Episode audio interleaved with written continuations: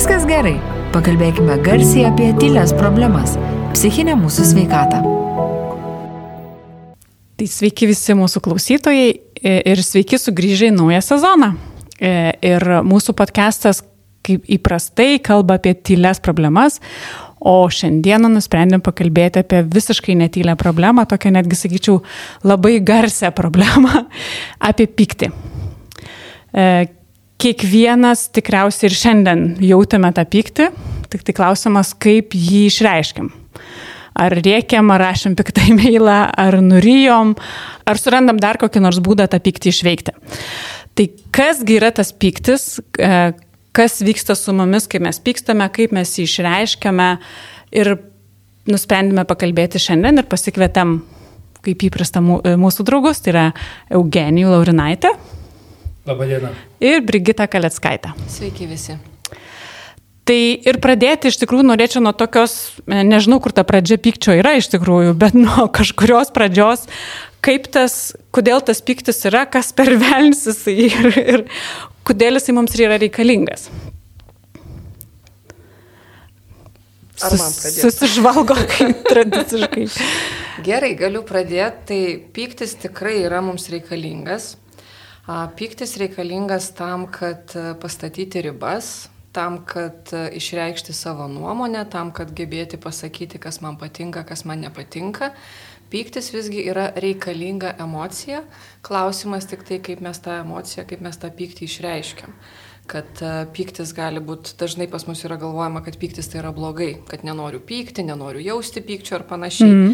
Tačiau pyktis tikrai gali būti konstruktyvus, galima jausti pyktį ir jis yra reikalingas, nes jeigu aš neturėsiu pykčio, aš nemokėsiu ir savo ribų atlaikyti, aš negalėsiu pasakyti savo nuomonės, aš negalėsiu pasakyti, ko aš noriu. Klausimas tik tai, kaip aš tą pyktį jausdama, kaip aš tai išreiškiu. Nes jausti pyktį aš galiu netgi visai ne, nesuvokdama, kodėl iš pradžių, kai jaučiu pyktį ir viskas, tai kaip svarbu yra suvokti, kodėl tas pyktis kyla. Bet galiu jausti pyktį ir jį išreikšti visai ne tam žmogui arba visai ne ten, kur reikalinga. Tai vad kaip svarbu yra suprasti, dėl ko aš pykstu ir kas su manim vyksta. Emocijos mes negalim reguliuoti, bet kaip mes reaguojam į, į aplinką arba kokia yra mūsų reakcija jaučiant pyktį, mes tai galime valdyti. Aš tai gal norėčiau dar pradėti iš anksčiau. E, seniai, seniai skaičiau tokio e, šveicaro etologo Konrado Lorenzo knygą, taip vadinamas blogis. Ir jisai rašo apie agresiją gyvūnų pasaulyje, nes jis yra gyvūnų ekspertas. Ir jis labai gražiai aprašinėja, kaip jam teko klausytis įvairiausių e, eigulių istorijų, kaip jie matė, kaip gyvūnai kovoja ypač patinai dėl patelės rujos metu. Ir viena istorija buvo visiškai fantastiška, kurios negalėtų įvykti žmonių pasaulyje. Jeigu jis pasako, kaip jis matė, kaip kovojo du briedžiai dėl patelės, kuris stovėjo šonė ir stebėjo jų kovą. O jie kovojo, kaip ir mes įsivaizduojame, ragais. Tik tai istorija įdomi yra tuo, kad vienas tos ragus turėjo, o kitas ne. Jis kažkur juos buvo pametęs. Bet įdomiausia buvo tai, kad jie abu šoko tą baletą, lyg jie turėtų ragus. Jie kovojo ne norėdami sunaikinti priešininką, o norėdami parodyti, kuris iš jų stipresnis.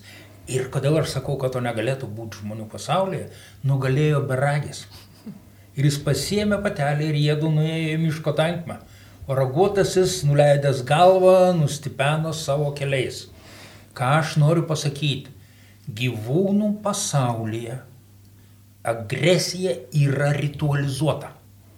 Tai yra jinai yra sukonstruota taip, kad ją išreikšti galima, bet jinai nėra pavojinga rūšės išlikimui. Ir pavyzdžiui, vilkų pasaulyje, kas turi šuniuką, šitai matė labai gerai. Kai šuniukas jaučiasi kaltas, ką jisai daro jis pabruko uodegą ir sukasi ratu. Bet ką tai reiškia suktis ratu? Suktis ratu tai reiškia atidengti savo miego arteriją. Mhm. Ir jeigu kovojama yra dantimis iki mirties, tai priešininkui tik tai sukasti ir viskas, tu, tu esi gatavas. Bet pasirodo, kad vilkų pasaulyje šitokia poza reiškia nugalėtojui, tas, kuris jau įveikė savo priešininką, visišką stabdį. Jisai sustingsta. Ir tada problema yra tik tai tokia, kad tam, kuris pralaimėjo, reikia pabėgti. O jeigu jis turi bėgti, jis turi keisti pozą ir tada tas vėl puola. Tai išeitis dažniausiai būna tuo met, kai nugalėtojas žymisi savo naują teritoriją, tada tas pralaimėjęs turi laiko pabėgti. Bet esmė yra kokia kad gyvūnų pasaulyje agresija atlieka labai svarbų selekcinį vaidmenį. Iš tikrųjų, tam, kad rūšis išliktų, kad netgi tobulėtų, turi daugintis labiausiai prisitaikę individai. Ir tas, kuris nugali savo nepriešininką, konkurentą, kovoje dėl patelės yra stipresnis. Tai yra jo palikuonis irgi bus stipresni. Ir agresija šitoj vietoje yra kaip didžiausias evoliucijos variklis. Ir kai mes kalbam, pavyzdžiui, apie Darviną, kad jis sakė, kad išgyvena stipriausiai, netiesa iš tikrųjų, netokia yra jo citata, bet jeigu mes net paimsim šitą vulgarę darvinizmo sampratą, tai pasirodo, kad stipriausi netarp skirtingų rūšių Nekovoja vilkas su drambliu dėl išgyvenimo. Jų maistas kitoks, jų arealas kitoks, jų elgesys mm. visai kitoks. Jie kovoja savo rūšės viduje. O jeigu kova vyksta savo rūšės viduje, jinai neturi būti pavojinga rūšiai. Ir kas atsitiko su žmogum? Homo sapiens išrado įrankį. Ir nuo to momento, kai jis kovai su savo gentainiu pasėmė į ranką akmenį, jis tapo pavojingas rūšės išlikimui.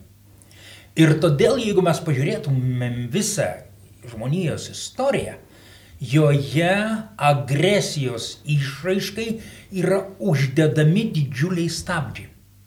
Nagi užtenka pasižiūrėti dešimt Dievo įsakymų. Šeši mhm. tūkstančiai metų. Jo? Ten viskas labai aiškiai suriktuota, kur agresija gali būti parodyta ir kokiais būdais jin gali būti išreikšta ir kokiais jokių būdų negali išreikšta. Ir kai mes kalbam apie šaknis, tos mūsų agresijos šaknis, jos yra biologinės. Todėl, kad mūsų pirmoji reakcija į bet kokį aplinkos poveikį yra įvertinimas, ar tai, su kuo aš susitikau, yra pavojinga ar saugu. Ar kelia grėsmę? Ir jeigu nekelia grėsmės, jokio pykčio man nekyla. Bet jeigu kelia grėsmę, tuomet atsiranda pyktis, nes grėsmė mano saugumui reiškia, kad blogėja mano statuso jausmas, aš pasidarau žemesnis, kad blogėja mano autonomijos pojūtis, aš mažiau galiu spręsti apie savo gyvenimą ir pats gyvendinti šitai. Blogėja mano santykis su kitais, jeigu aš esu pavojuje Be jokios abejonės blogėja mano intelektualiniai sugebėjimai, kai aš supykęs, išsigandęs, aš negaliu mąstyti apie tai, ką darau, aš mąstau, kaip man išgyventi šitoj situacijai. Ir todėl už tai, kad kažkas mane išgazdino šitam pasauliu, aš supykstu. Labai dažnai, nežinodamas ant ko, todėl kad šita pirmoji reakcija saugu ar pavojinga atsiranda per 0,2 sekundės. Jis yra visiškai pasąmoninga.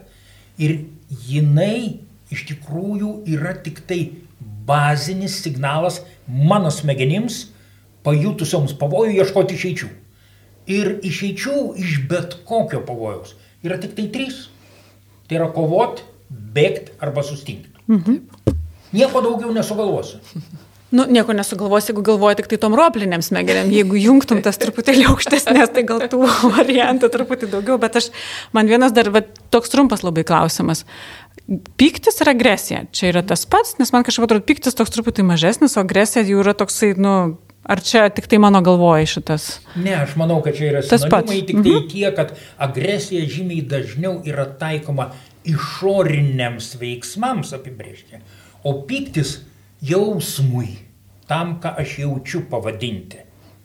Ir vienas yra kito išaiška, iš tikrųjų skirtumo tarp jų nėra, bet vat tas agresijos ritualizacijos poreikis yra labai labai svarbus bet kuriai rūšiai, mums homo sapiensams taip pat. Bet mes išrandam vis baisesnius ginklus ir užtenka pasakyti, kad mes dabar turim tiek atominių ginklų, kad Žemę galim sunaikinti šešis kartus.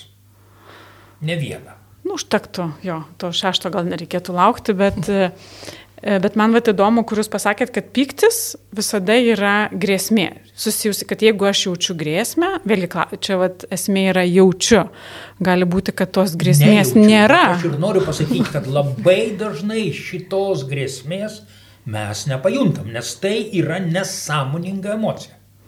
O pykti kaip reakcija į tą pajaustą emociją, mhm. jau mes įsisamoninam. Ir tada ieškom, ką su tuo daryti. Ir tada ieškom, kas kaltas. Mhm. Ir tada ieškom, kam keršyti. Ir gali būti, kad adresatas visiškai ne tas. O čia ir vis tiek yra kažkokiu tai būdu truputėlį įvesti kažkokias tai, nežinau, aiškumo, nes atrodo dabar pyktis į bet ką, grėsmės bet kokios, ar yra kažkokios, nežinau, kategorijos, kam mes, kokiom grėsmėm mes dažniausiai nu, pajausim tą pyktį. Nebūtinai įsisamoninsim ir suprasim, kad čia būtent va, į tai reaguojam. Bet apie tą truputį paslėptą, truputį vėliau gal norėčiau prieiti kalbėti, bet ar čia yra kažkokie, nežinau, poreikiai, dar kažkas į, į kieno grėsmę? Į grėsmę gyvybei, į grėsmę statusui ar čia yra kažkokia tai? Aš manau, kad tai gali būti įvairiai, tokios kaip griežtos klasifikacijos tikrai nėra. Tai gali būti, kad aš galiu pajausti pyktį, grėsmę arba susierzinimą, kai, sakysim, nevalgius, arba blogai fiziškai jaučiuosi, arba kai skauda. Bet lygiai taip pačiai galiu jausti pyktį ir susierzinimą, kai kažkas aplinkui vyksta ir mane erzina, nepatinka. O gal aš negaliu patenkinti savo poreikių. Ta prasme, griežtos kažkokios klasifikacijos, kad į ką ir kaip mes reaguojam, tikrai nėra kad svarbiausia yra pajausti, kad aš jaučiu, kad mano kūne vyksta kažkas, jaučiu, kad yra kažkoks ir zulys, ir ten gali būti ir zulys, pyktis, įtužis, pavydas, neapykanta, tas jausmas išraiška pykčio gali būti labai įvairi. Ir kaip svarbu tada yra suprasti, tai ką aš jaučiu ir su kuo tai galėtų būti susiję, ką tai sako apie mane, kodėl aš tai jaučiu ir kodėl čia ką tik dabar kilo, ar tai kilo prieš savaitę, tai daugiau mes analizuojam, kad mano kūnas reaguoja, aš reaguoju ir kas tai galėtų būti. Aš dar gal pridėčiau, kad iš tikrųjų visų mūsų gyvenime vienas iš svarbiausių dalykų yra galėjimas realizuoti savo tikslus ir norus. Ir kai aš to padaryti negaliu, aš išgyvenu frustraciją. Tai yra kompleksas Taip. įvairių jausmų, Ir vienas iš tų jausmų yra be abejonės piktis ant to žmogaus, ant tų sąlygų, ant tos istorinės aplinkos, kurioje gyvenu, dėl ko savo norų realizuoti negaliu. Tai va frustracija yra pakankamai universalus mechanizmas, mhm. kada kyla piktis. Antras dalykas, kuris labai svarbus visiems mums - neteisybės pojūtis. Pasirodo, mes smegenyse turime teisybės pojūčio centrą. Jis nėra išmoktas. Kur jis yra? yra? Įgimtas. Jis yra visai šalia vėmimo centro. Ir todėl jeigu mes pasijuntam, kad su mumis elgesi neteisingai, vert norisi. Pradeda mhm. pykinti. Jo, pradeda pykinti. Ir nebereikalo pyktis ir pykinimas. Tarp kitko, aš dabar. Labai panašus žodžiai. Aha, tą patį pagalvojau. Visai nejuokinga. Mūsų protėviai per tūkstantmečius mm -hmm. pastebėjo šitą ryšį, be, be abejonės. Bet jeigu mes kalbam apie tas generalizuotas priežastis, tai be abejonės negalėjimas realizuoti savo norų ir tikslų vieną. Pažeminimo jausmas, kai kažkas tai pasirodo teisingai ar neteisingai, stipresnis, aukštesnis, gudresnis, gražesnis už mane. Taip pat ir tas pats neteisybės jausmas, kai už tą patį darbą, už tą patį veiksmą yra skirtingai vertinami skirtingi žmonės. Ir mūsų Lietuvėlėje, pusbrolių Respublikoje, tai čia į kairę ir dešinę galima pavyzdžių susirasti populiariausio. Tai aš galvoju, kad iš tikrųjų yra pakankamai universalių situacijų, bet net įdomu ir kai aš skaičiau, irgi buvo kažkaip na, netikėta gal, kad mes įpratę, kad kritika sukelia pyktį. Tai natūralu. Bet pasirodo net tokie geranoriški patarimai bandymai padėti. Oi, tikrai. Taigi prisiminkit, kaip maži vaikai, kai aš vakar mačiau fantastišką sceną, su savo mažyčiu triratuku, mažylis eina per gatvę ir ten važiuoja automobilis ir mama nori paimti tą triratuką ir greičiau ant šalygatvio užvesti. Kokia buvo protesto reakcija, aš pats. Mhm. Suprantat, va tas nenoras būti atrodytų labai švelniai, bet vis dėlto pažemintam, yra labai stiprus agresijos dirgiklis. Taip kad yra dalykų, kurie yra visai suvokimi, dėl kogi mes supykstam.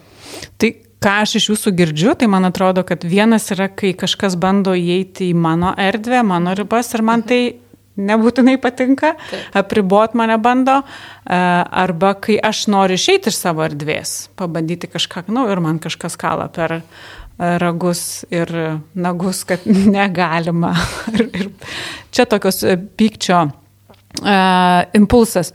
Bet man kilo toksai vat, klausimas, jūs nekėjote apie pyktį, dėl ko jisai kyla, o vat ateina pas jūs žmogus ir sako, nu, blemba kaip pykstu. Ką jūs darote? Kaip jūs, ar jūs kapstotės, kas po tuo, ar, ar čia kažkaip yra tas pyktis, kad tik tai išraiška, o po tuo ten slepiasi kiti icebergai? Na, aš manau, tai dar priklauso ir nuo terapinės mokyklos, kaip mes su tuo pykčiu dirbam. Tai tarkim, jeigu aš atstovauju gestalto psichoterapijos kryptį, tai mes dažniausiai iš pradžių tą pyktį tyrinėjom kas per pyktis, kaip tu jį jauti, kur tu jį jauti, kurioj kūno vietoje, su kuo tas pyktis gali būti susijęs ir kalbamės ir žiūrim, ta prasme, pirmas žmogus išgyvena, ne tai, kad bėgti ir vengti to pykčio, bet išgyvena tą pyktį, o tada jau žiūrim, kokios tai galėtų būti priežastys. Ir dar labai įdomu paminėti, kad ne visada pyktis būna ta pagrindinė emocija. Už pykčio gali dar būti daugelis emocijų, kurių mes vengiam, bijom, nenorim savo pripažinti. Pavyzdžiui, jeigu aš jaučiu gėdą, tai aš geriau greičiau supyksiu ant kitų arba ant savęs pyksiu, bet nepripažinsiu savo, kad tai yra gėda. Tai dažnai už pykčio gali būti ir gėdos, ir kalties jausmas, ir, uh, nežinau, ir baimė, ta prasme, kad pyktis. Ir bejėgiškumas. Jo, ir bejėgiškumas, kad pyktis tai nebūtinai ta pagrindinė emocija, kad ne va, ją tyrinėjant nebūtinai galima užsikabinti, kad čia va tik pyktis ir viskas kaip svarbu yra pasižiūrėti visą kontekstą, su kuo tas pyktis susijęs, kaip jisai kyla, kaip dažnai kyla ir tada galima jau pamatyti priežastį, su kuo tai susiję. Ir dar galbūt svarbu yra pasakyti, kad iš tikrųjų, pavyzdžiui, vienas iš dalykų yra tai, kad visi mūsų jausmai yra tarp asmeniniai. Jie nėra be asmeniai. Mhm. Žmonės neretai sako, aš pykstu ant situacijos. Blefas. Arba ant savęs. Ant savęs tai visai jokinga. O negalima pykti ant savęs? Ne. Suvokit, ant savęs pykti neįmanoma. Ne. Nes aš esu tas, kuris yra svarbiausias mano pasaulyje. Jis yra mano pasaulio centras. Nu, bet jeigu nesąmonę padariau. Dažniausiai, tai padariau ir ką? Dažniausiai iš pradžių pykstam ant kažko, bet paskui, kai negalim patenkinti to poreikio, negalim su žmogum susikalbėti, susitarti, pradedam pykti ant savęs. Gražinam pykti savo. Negalim. Ir Toks tada svarbus tai, ir reikšmingas. Ir užsisuka mhm, tas ratas. Tada sakom, kad ant savęs pykstam. Taip. Bet tai yra pakaitinis objektas. Aha, tai jeigu jaučiu, kad pykstu ant savęs, tai vadinasi, reikia kažkur reikia ieškoti kito. Taip. Tai va, Kaip gerai. Kurį aš užduodu savo pacientams, kai kalba apie pyktį, ant ko pykstat. Mhm. Ant ko? Kas tas pirminis Taip, šaltinis, bet ne kas ten trečias, penktas ar dešimtas, jo. bet kas tas pagrindinis adresatas, ant ja. ko tu pykstai. Ir tada pasidaro labai įdomu, nes tada galima pradėti nagrinėti antrą labai svarbų klausimą - už ką. Nes pyktis visada yra ant ko ir už ką.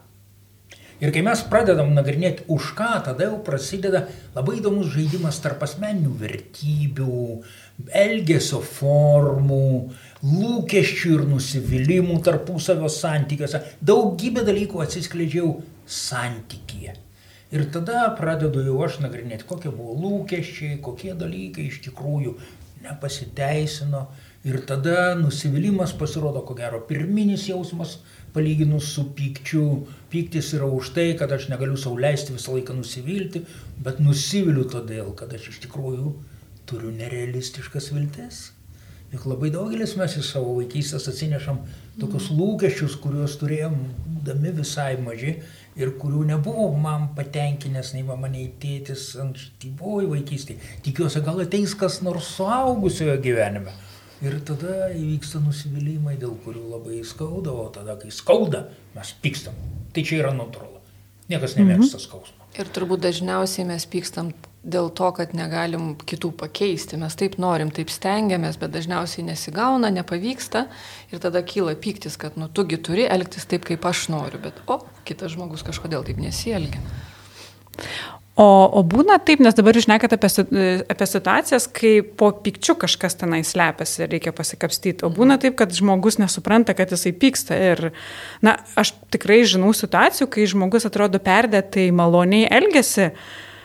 Ir va tas toksai pasyvus agresyvumas. Taip, taip. Net Tikrai taip. verčia tikrai. šitas žarnas.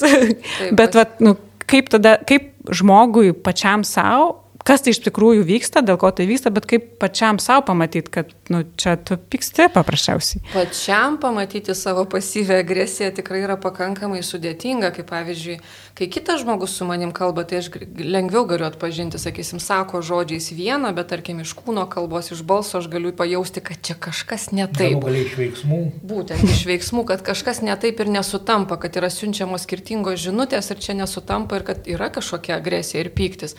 Bet pačiam savo tas siunčiamas dvigubas žinutės pastebėti tikrai yra labai sunku. Labai svarbu tada įsiklausyti, kokį grįžtamą į ryšį man duoda kiti žmonės, artimieji dažniausiai, ar jie man duoda grįžtamą į ryšį, kad čia kažkas nesutampa ir panašiai. Ir jeigu taip, tai reikėtų susimastyti. Bet čia tikrai ilgas procesas, taip Aš tai, lengvai žinot, turiu dar neatpažįstamas. Daugiau skepsio, todėl kad aš sakau, kaip kažkada buvęs chirurgas, niekas pats savo apendikso neišoperos. Ir todėl įsivaizduot, kad viską, kas su manim vyksta ir Taip. psichologinėme lygiai, aš pats ir turiu susitvarkyti, yra iliuzija. Tikrai taip. Yra visiškai iliuzija. Yra labai daug situacijų, kuriuose reikalingas veidrodis. Ir kuo jisai tiesesnis tas veidrodis, tai yra profesionalesnis, tuo jis geriau atspindi, kaip tu gyveni, ką tu su savo gyvenimu darai ir kas gali būti priežastis to, ką tu darai su savo gyvenimu, ne su kuo nors kitu. Ir todėl, pavyzdžiui, aš tai naudoju psichoterapijos apibrėžimą, kuris sako, kad psichoterapija tai yra paciento keitimosi procesas, betarpiško kontakto su profesionalu metu. Ir to keitimosi tikslas yra geresnis paciento biologinis, psichologinis ir socialinis funkcionavimas. Ir tada šitoje visoje tiradai pagrindinis žodis yra keitimosi procesas. Ne mes keičiam, keisis jis. Bet tam, kad jis žinotų, ką keisti verta, jis turi save pamatyti. Kitaip, iš kito šono.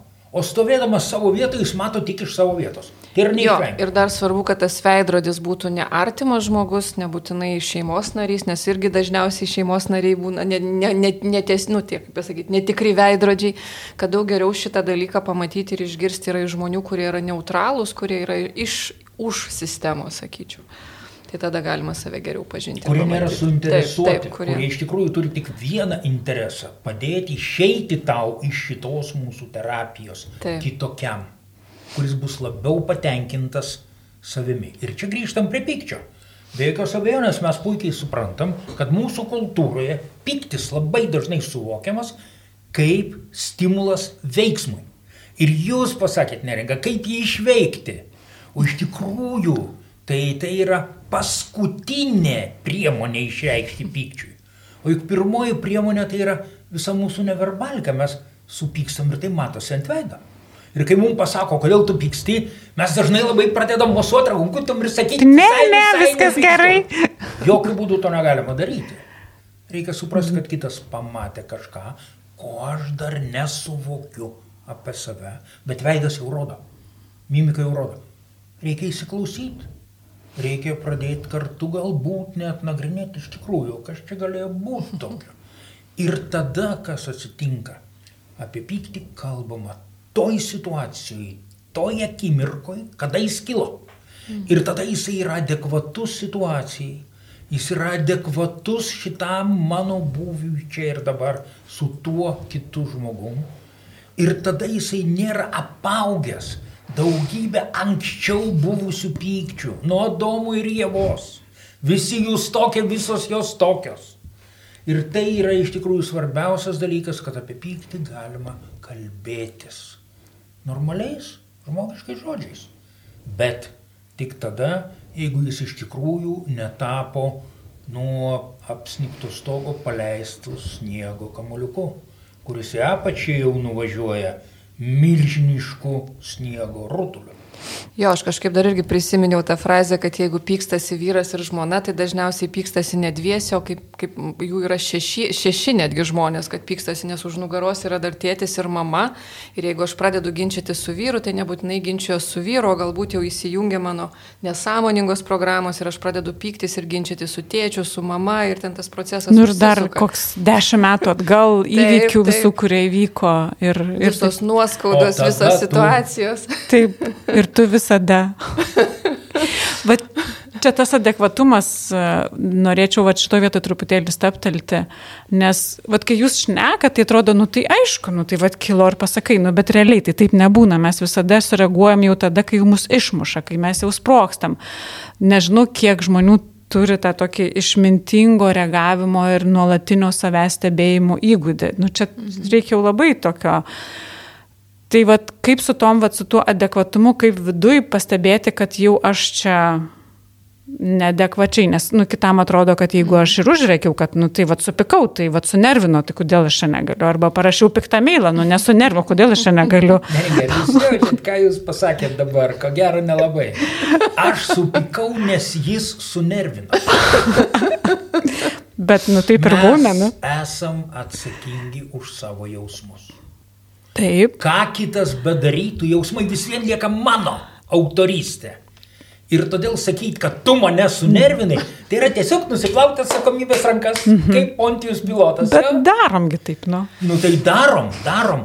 Tai tai yra standartiniai -hmm. neproduktyvių išeičių keliai. Kai mes įmam kaltinti kitą, aš supikau dėl to, kad tu tą, tą, tą, tą, tą padarai. Arba, kas dar yra liūdniau, kai aš iš viso nesuvokiu, kad tai yra mano jausmas.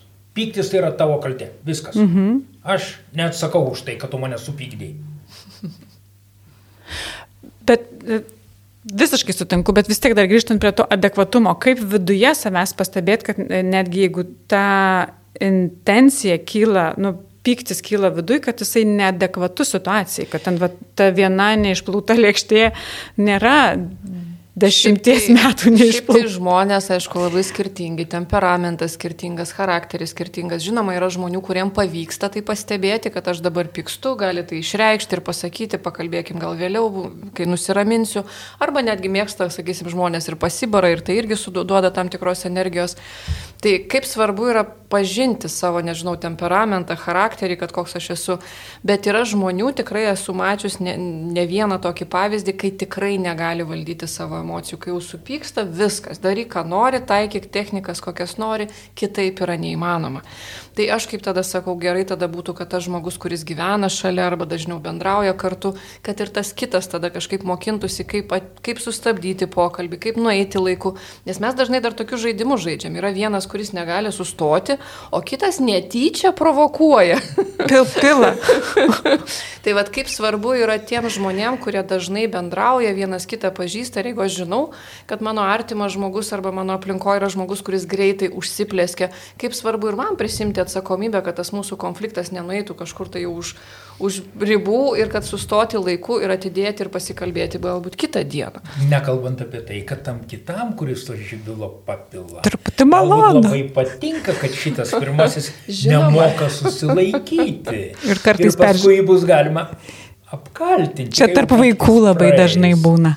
Taip. Bet aš noriu pasakyti, kad iš tikrųjų, kai mes pradedam pavyzdžiui ginčia, pykčio papinti. Naudot žodžius visada niekada. Mhm.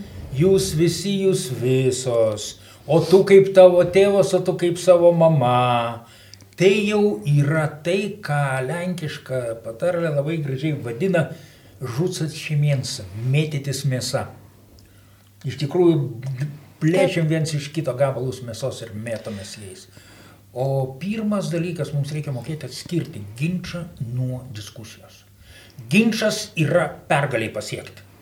Ir jeigu mes supykę kovojam dėl pergalės už kažkokią iliuzinę tiesą, tai net ir pasiekę tą pergalę mes pralaimėjom. Tai yra neišvengiama. Jeigu mes diskutuojam, mūsų uždavinys yra pasiekti kompromisą, susitarimą, kuris yra per vidurį tarp mūsų dviejų. Ir pyktis čia nais nepadės visiškai, nes pyktis yra spaust, laužti ir nugalėti kitą. Visiškai natūralu. Tai vad mokėjimas nenugalėti, o susitart labai sunkus mokslas. Labai sunkus mokslas. Iš tikrųjų, nuo pat ankstyviausios vaikystės vaikai turėtų gauti pavyzdį tokio kalbėjimus savo namie. Apskritai, jeigu kyla kažkoks konfliktas, tai mes dažnai užstringam. Ir pavyzdžiui, jeigu pasižiūrėti į savo konfliktą, pabandyti pažiūrėti iš šono, ne tai, kad vis kaltinti nuolatos vienas kitą, pažiūrėti iš šono, mes galim pamatyti tuos pačius žingsnius, kad mes nuolat tam konflikte kartojam, pykdamiesi tą patį. Tai kaip svarbu yra pastebėti šitą procesą ir bandyti keisti kažkaip kitaip. Ir dažniausiai, ką aš sakau, tai svarbu ne tai, kad kitą kaltinti ir sakyti, tas kitas, kaip pasikeis, tai mano gyvenimas pagerės, bet ką aš galiu padaryti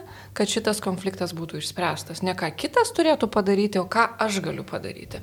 Aš jaučiu pykti, taip man yra ne faina, bet ką aš galiu padaryti, kad nejaučiau to pykčio, nes tas žmogus nėra atsakingas, kad aš jaučiu pykti. Aš pati turiu mhm. su tuo pykčiu tvarkytis ir tada ką aš galiu padaryti, kad man būtų geriau. Bet dažniausiai ką mes darom, sėdim, laukiam, va ateis, tada turi sutvarkyti, turi padaryti, kad aš jausčiausi gerai, ne? ir dar vienas dalykas, jūs neringė pasakėt, kad pyktis būna be pagrindo nebūna be pagrindo. Nebūna. Nu, aš turiu menį daugiau be adekvataus mūsų reakcijai tuo metu pagrindo. Na, kad vat, neišploviai kažko. Tai yra antrinis, tai yra taip, antras taip. aukštas. Mhm. Jeigu mes kalbame apie Rusiją, apie pamatus, pyktis visada turi pamatus. Jis turi savo priežastis mano asmenybėje, mano istorijoje, mano nesąmoningose emocijose. Ir todėl į jį nekreipti dėmesio tikrai negalima. Bet reikia kreipti adekvatų dėmesį. Mm. Reikia tikrai suvokti, ką šita situacija, kurioje aš pajutau pyktį, reiškia man, asmeniškai man. Ne tu, ką ten padarėjai, bet ką tie mm. žodžiai reiškia man, ką jie kalba apie mane. Ir čia yra labai paprastas vaikiškas posakis iš smėlio dėžės, kas ant kito sako, pats ant savęs pasisako. Ir turiu pasakyti, kad pastarųjų dešimtmečių psichologiniai tyrimai šitai įrodė. Iš tikrųjų, kai mes kalbam apie kažką tai, kažkokius negražius dalykus, tai mes išmetam savo paties neleistinas asmenybės dalis. Tas savybės, kurių savyje matyti nenorim, užmetam ant jo. Ir todėl aš noriu, kad mes suvoktumėm, kad pyktis yra visai sveikas jausmas. Visai sveikas. Nu, vat aš norėjau klausti, ar... O jo išraiškos būdai mhm. turi būti tokie, kad jie padėtų sveikiau gyventi ir man, ir tam, ant kurio supikau. Ašgi galiu labai paprastai pasakyti, klausyk, kai tu palieki nešvarės lėkštės kreuklėje ir galvoji, kad jos pačios išsiplauna, tai netiesa. Jas plaunu aš. Ir kai aš plaunu jas ir negaunu už tai net mažo bučkio arba paprasto ačiū, aš pradedu pykti. Kaip tu manai, ar apsimoka mums taip? Kaip gražiai viskas iš šono atrodo. O m, gerai, tai paž... yra tos dvi pusės. Žmogus, kuris vat, nu, aišku, nebūna, negalima tai suskirstyti, kad vienas, kuris visada pyksta, o kitas, kuriam reikia susidurti su, tu, su tuo. Turiu menį, daugiau nepyksta, bet nebūtinai moka tą pyktį mhm. konstruktyviai išreikšti. Mhm. Ką, e, ka, kokie būtų vat, patarimai žmogui, kuris yra tas užsiplieskantis, kuriam tai yra labiau problema? Ką jūs patartumėt, kaip, vat, kaip savi, nuo savistabos iki veiksmų paprastų, nežinau, kvepavimo kažkas, kaip padėti savo, kad ne, ne viską mesti? Jo, nu, aš manau, kad pykčio metu, kai jau sukyla pyktis, technikos nepadės. Aš netgi vakar pokalbį turėjau su savo dukra, kai irgi pradėjom pyktis, nes jinai jautė ir zulį, buvo įsitempusi. Ir paskui po pokalbio aš jai sakau, žiūrėk, o tai gal kokias technikas taikyk ir panašiai. Jis sako, žinai, mama, kai pykstu, jokios technikos nepadeda. Paskui galiu. tai man atrodo tikrai, kai kyla pyktis, kai aš jau pykstu, nu nebegaliu aš tų technikų kažkaip taikyti. Bet ką aš galiu padaryti, tai nuolat save stebėti, žiūrėti, kas vyko su manimi jau tarkim popį pykčio ir kaip aš galėčiau reaguoti kitaip. Tai kas geriausia, turbūt ką lengviausia yra padaryti, kas irgi kai kam gali užtrukti ir pakankamai ilgai, tai kai jau sukyla visos emocijos arba išsakyti, kad aš dabar pykstu ir negaliu daugiau kalbėti ir pasistengti nueiti nuo to pokalbio arba pakalbėsim vėliau, arba nežinau, bandyti kažkaip kitokiais būdais visgi stabdyti tą pokalbį. Nes kai užsiveliama yra jau tam ginčiai, jau nieko gero nebeduoda. Ta prasme, tai jau tikrai niekur nenuveda, vis tiek reikia emocijas šiek tiek nuleisti. Nesakoma, kad jeigu mūsų emocijos sukilia, tai pagrindinis tikslas yra nesiaiškinti, nesi, neieškoti sprendimų, ne kažką tai išspręsti, o pirmiausia, kažkiek nusiraminti. Ir kai vėl emocijos šiek tiek atslūksta, galima grįžti prie to. Kaip sakoma, nuleist garą. Taip. Ir kol mhm. garas nenuleistas, ne. kalbėtis apie jokius logiškus dalykus ne. Mhm. nėra šansų. Bet visai neseniai, prieš gal kokį dešimt metų, buvo daryti tyrimai, nes iš tikrųjų pykčio problema ypač įstaigose, ofisuose yra labai svarbi, todėl kad ten yra daug socialinių situacijų, kurios kelia grėsmę, kurios Taip. tikrai žadina pykti, o išreikšti ten neleistina visiškai jų. Ir ką su to daryti? Ir štai tyrimas parodė fantastišką dalyką, man iš tikrųjų tai buvo irgi netikėta. Tam, kad šitas pyktis sumažėtų, pakeliui į namus, pavyzdžiui, užėjai parduotuvę, Pagirkit pardavėją, kad jin gražiai suvinioja jums prekę. Pagirkit mm. kasininkę, kad jin labai gražiai nusičipsojo atsiskaitydamas su jumis. Pagirkit vairuotoją, kuris praleido jūs į priekį, padėkokit jam. Dėkingumas ir mokėjimas pagirti ryškiai mažina pykčio įtampas mūsų smegenyse. Ryškiai. Ir čia yra bėda su lietuviais. Todėl, kad iš tikrųjų sakyti gerų žodžių mes neišmokyti. Na, o jeigu reikia technikų, tai vis tiek duosiu keletą pavyzdžių ir jos tikrai labai lengvos ir paprastos. Tai ypač, vat, kaip kalbėjau dabar apie darbą, tai prisiminiau būtent tas technikas, kurios tinka ir ofise. Tai išjungiat savo kompiuterį, kad zoomė jūsų niekas nematytų ir kokias 3 minutės arba 5 minutės vienoje vietoje stovėdami bėgat bėgat kiek galėdami, išveikti. jo, kad išveikti. Tai vienas iš būdų. Kitas būdas pasileisti muziką ir penkias ar dešimt minučių pašokti, jeigu yra įmanoma. Tai čia va tie tokie būdai, kai jau neįmanoma arba pašokinėti. Kai atrodo jau nėra kur, atrodo tuoj kažką čia šveisiu ir kažką sudaužysiu, o po dešimt minučių rimtas susitikimas, tai galima padaryti tokius dalykus, ta prasme, tam kartui padeda. Bet jeigu tai mes nuolat darom, tai vėlgi nepadės, nes kaip ir kalbėjom prieš tai, reikia ieškoti priežasties, reikia žiūrėti, kodėl tai tai atsitinka, kas su manim vyksta, tada jau pažiūrėti gilesnės priežastis. Bet va tos tokios greitosios, kaip aš sakau, greitoji pagalba, jinai gali suveikti. O dar tada, uh, Eugenijai, jūs paminėjote tą dėkingumą. Tai mhm. jeigu aš esu labai supykusi, Tai, e, nu, jeigu aš pabėgsiu penkias minutės, tai gal po to ir kasininkai galėsiu padėkoti, bet vis tiek, jeigu yra pyktis čia, įjungti tą dėkingumą labai reikia daug bet, vidinės. Bet čia ir prasideda mūsų psichologiniai saviugdos įgūdžiai. Kai aš mhm. suprantu, kad aš supykau ant visai kitų žmonių ir aš nenešu to pykčio ant šito žmogaus, kuris dabar su manimi elgesi gražiai. Ir atvirkščiai aš surandu savyje resursų naujų, kitokių, nebūt vien šitame juodame katile su pykčio derva. Aš no. išlipu iš to katilo. Vat šitas įgūdis nelengvas. Jokių būdų. Taip, nes Bet mes. Jeigu neturėsiu jo, tai ir virsiu tame darbos. Jį galima pamažu praktikuoti, bet prieš tai, pavyzdžiui, nueiti į parką, išsiriekti, pabėgioti, pavaikščioti ir tada nueiti į parduotuvę ir Jūs padėkoti. Gražus užduotas, kai moteriškai išeina dėkodama visiems ten valytojai, būdėtojai, pačioje daugoraižė, paskui atsisėda į automobilį, paleidžia jį važiuoti ir pradeda klypti visą gerklę.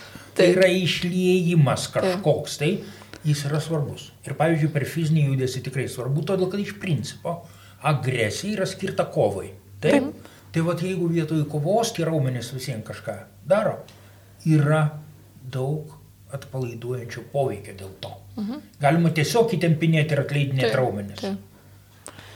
Ir mes taip natūraliai atėjom prie tos viešosios erdvės ir kaip mes tą pyktį viešoje erdvėje išreiškiam ir matom. Nes iš tikrųjų ta mintis daryti laidą apie pyktį kilo labiau asociacijos su tai, ką mes matom dabar apskritai viešajame gyvenime, kur to pykčio išraiškų matome daug nesusikalbėjimo, kalbėjimo rėkiant, to išveikimo matom labai daug. Tai Jeigu dabar staptelėtume čia, nes e, iš vienos pusės ten mes į tą viešą erdvę atsinešam visus savo vidinius gyvenimus ir trigerius, dėl ko mes pykstam.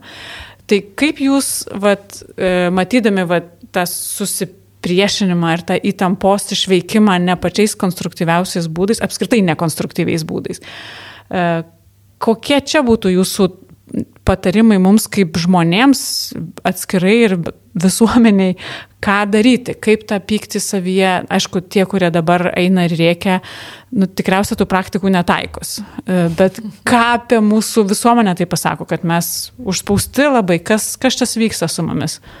Na, aš nesakyčiau, kad visa visuomenė tik pikta, galbūt, kai spaudoje ir, ir televizijoje mes daugiau matom tokių pavyzdžių, tai dėl to galvojam, kad taip yra, bet tikrai yra įvairių žmonių, yra ir kurie moka su pykčiu tvarkytis. Bet dalykas tas, kad taip, tai yra reakcija, tai yra frustracija, Be abejo, kad krizė užaštrina mūsų jausmus ir aš kaip dažnai irgi kartoju, kad jeigu mes prieš pandemiją turėjom, sakysim, pykom arba jautėm baimę ir nerim arba turėjom kažkokias, nežinau, nepradirbtas traumas, tai dabartinės krizės metu jos dar labiau paaštrėja. Ir tada, kai man kyla frustracija, kai yra neapibrieštumo daug, kai yra neaišku, kas vyksta, tai norisi kažkur tą pyktį išlieti. Kur tada išlieti? Dažniausiai tai būna kas kalta valdžia, kalti ministrai, kaltas prezidentas, kalta, nežinau, organizacija. Ir tai nėra tik tai blogis, iš dalies tai žmonėm ir padeda tvarkyti su nerimu ir pykčiu, nes jeigu nebūtų niekas kaltas, o tik pats aš, tai žmogui būtų ne, nepakeliama, ne kiekvienas gali tą atsakomybę panešti. Ir dėl to atkyla tas toksai jausmas, kad geriau kaltinti kitus, reikalauti iš kitų, nes taip yra lengviau ir plus tai sukuria kažkokį, tai nežinau, kontrolės, saugumo jausmą, kad žmonės galbūt jaučiasi geriau. Antras svarbus dalykas turbūt yra tas, kad šitos pandemijos metu iš tikrųjų įvyko labai didelis kiekvieno iš mūsų pasidalinimas viduje į juodą baltą.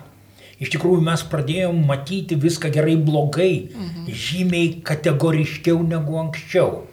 Ir tai yra reakcija į frustraciją taip pat. Į neapibrieštumą. Neapibrieštumą. Mes bandom tą pasaulį supaprastinti, apsibriežti.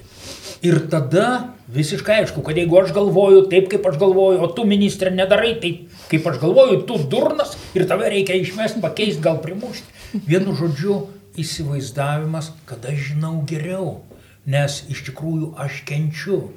Niekas nepagalvoja, kad kitas kenčia ir galbūt, kad tas ministras mhm. kenčia, bet kalba eina apie tai, kad žmonės nori, kad jų norai būtų įgyvendinti. Jie jaučiasi teisūs. Ir iš to kyla irgi didelė dalis agresijos, todėl kad jeigu aš jaučiuosi esas teisus, o jie durniai nesiklauso, na tai tada jiems reikia išdaužyti langus. Jo, ir ta pati, manau, e, situacija vyksta, jeigu vyriausybė arba valdžia sako, tu turi, tu privalai, tau reikia taip daryti, atitinkamai irgi kelia žmonėm e, reakciją priešintis.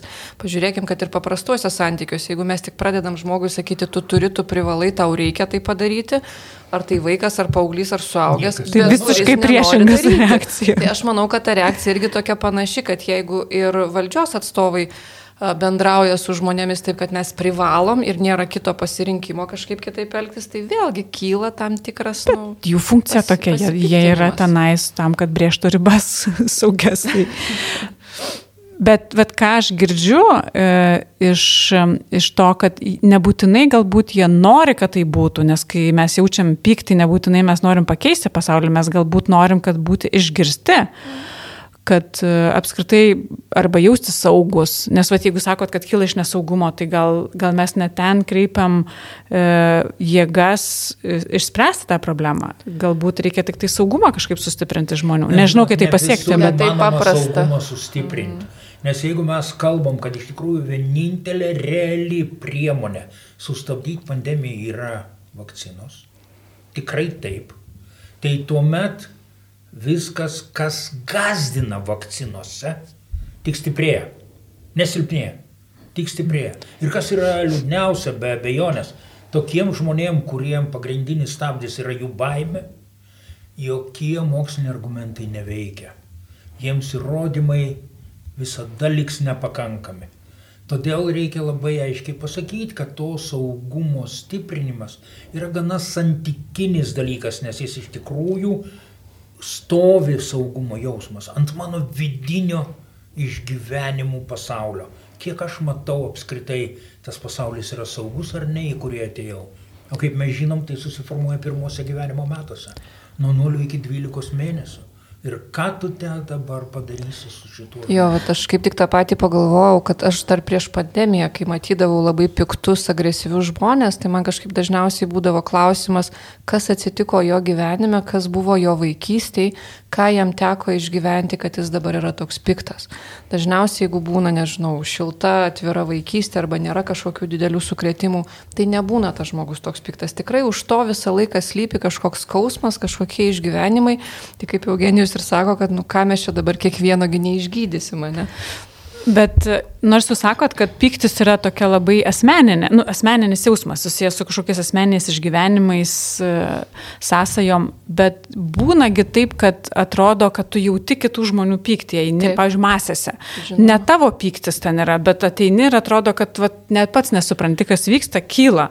Kaip yra su tuo, čia užsikrečiama to pykčiu, kas jo, čia vyksta? Yra, yra taip vadinamas tas kūno rezonavimas, kad mes galim pajausti vienas kito emocijas, mes galim pajausti vienas kito būsenas ir tarkim, jeigu aš būnu kažkokioje auditorijoje arba grupėje, kur žmonės labai pikti, aš irgi tuo pačiu užsikrečiu. Yra paaiškinimas ir su veidrodiniais neuronais, kad mes atspindim vienas kitą, kad mes galim iš tų mikro judesių pajausti. Ir tikrai taip, kai mes būnam kažkokioje aplinkoje, ar tai labai euforiškai ir džiaugsmingai nusiteikusi aplinka, ar tai labai pikti žmonės, mes irgi galime pajausti tos pačias emocijas, kad tai rezonuoja ir visi pasidaro kaip viena. Na ir užtenka pagalvoti, pavyzdžiui, kaip aktoriai sako, kaip jie jaučia, kad salė su jais. Taip. Ir jie visi išgyvena tą momentą kaip kažkokį gilų dvasinį nušvitimą. Lygiai tas pats būna koncertų salėse, kai būna kažkokie muzikiniai momentai, kai visa salė sustingsta kai iš tikrųjų net musės nebeskrenda. Mhm. Tyla yra absoliučiai. Tai yra mūsų empatijos sugebėjimo pasireiškimas. Empatija tai yra mokėjimas pajusti, ką jaučia kitas. Taip. Viskas. Neužuojauta, net jauta. Empatija yra įsijautimas į kitą. Ir kada visa minė įsijaučia į tai, kad reikia mušti valdžią, tai turim tai, ką turim prie parlamento. Tai aš galvoju, kad emocijų užkretimas tikrai yra ir tarp kitko yra žymiai tragiškesnių atvejų. Yra aprašyta pakankamai daug situacijų, kai minė sumindo tai. žmonės išsigandusi kažko. Mhm. Ir tada jau tas jausmas niekaip nekoreguojamas. Neįmanoma jo sustabdyti.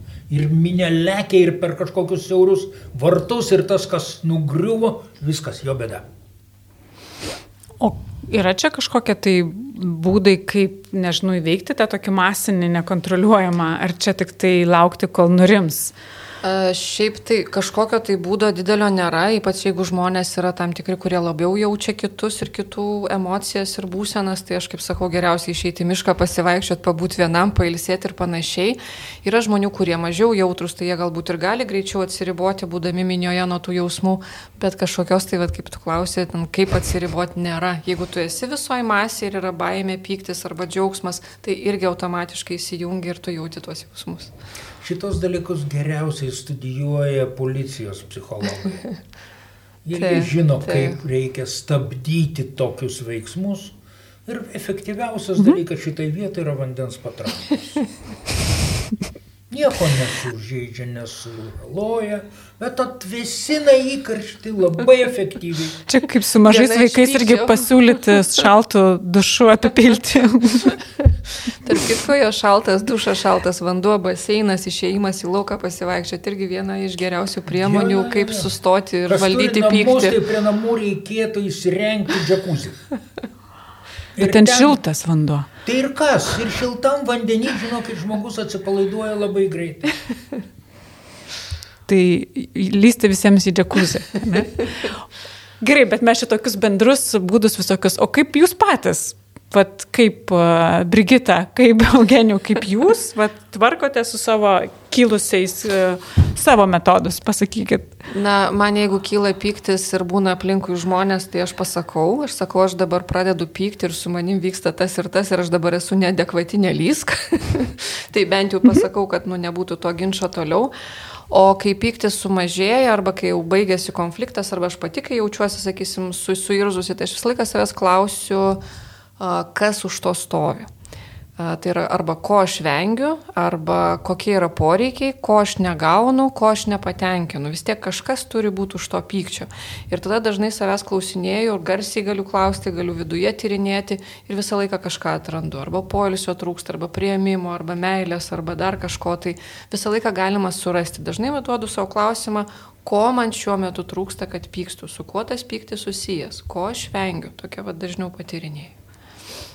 Na, aš jau truputėlį papasakojau, kaip galima kalbėti supykus tiesa, bet jeigu kalbėtumėm apie tą kasdienybę, tai joje yragi labai daug objektyviai neišvengiamų dalykų, kurie nėra malonus, kuriuos iš tikrųjų norėtum nedaryti, bet reikia padaryti, nes nėra kam.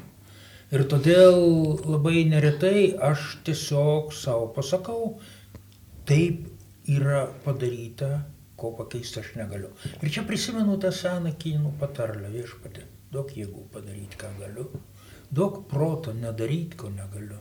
Ir daug išminties atskirti vieną nuo kito. Ir jeigu aš pamatau, kad mano piktis, jeigu aš jį išreikščiau, taip kaip noriu, atves prie rezultato, nuo kurio bus tik dar blogiau, tai kuriems galams aš, atsiprašant, savo kepurę turiu daryti. Ir todėl aš iš tikrųjų pagalvoju, kad taip, Yra situacijos, kur pykstu. Ir kas iš to? Čia mano reakcija. Aš turiu susipažinti geriau su savim, ką jinai man apie mane sako. O ne ant kito išlieti tą kibrą negerų dalykų, kuris dabar manį prisikaupė. Ir galima, galima iš tikrųjų pakalbėjus su savim, gana nemažai suprasti. Ne viską, ne viską, bet daug. Tai gal pabaigai čia yra toks, tokia gera mintis pirmiausia pakalbėti su savim prieš pasakant kitam. kitam. kitam. Tikrai taip. Tai ačiū labai už smagų pokalbį apie pyktį. Ačiū, ačiū. Viso gero. Viso. Ai, viskas gerai. Pakalbėkime garsiai apie tylės problemas - psichinę mūsų sveikatą.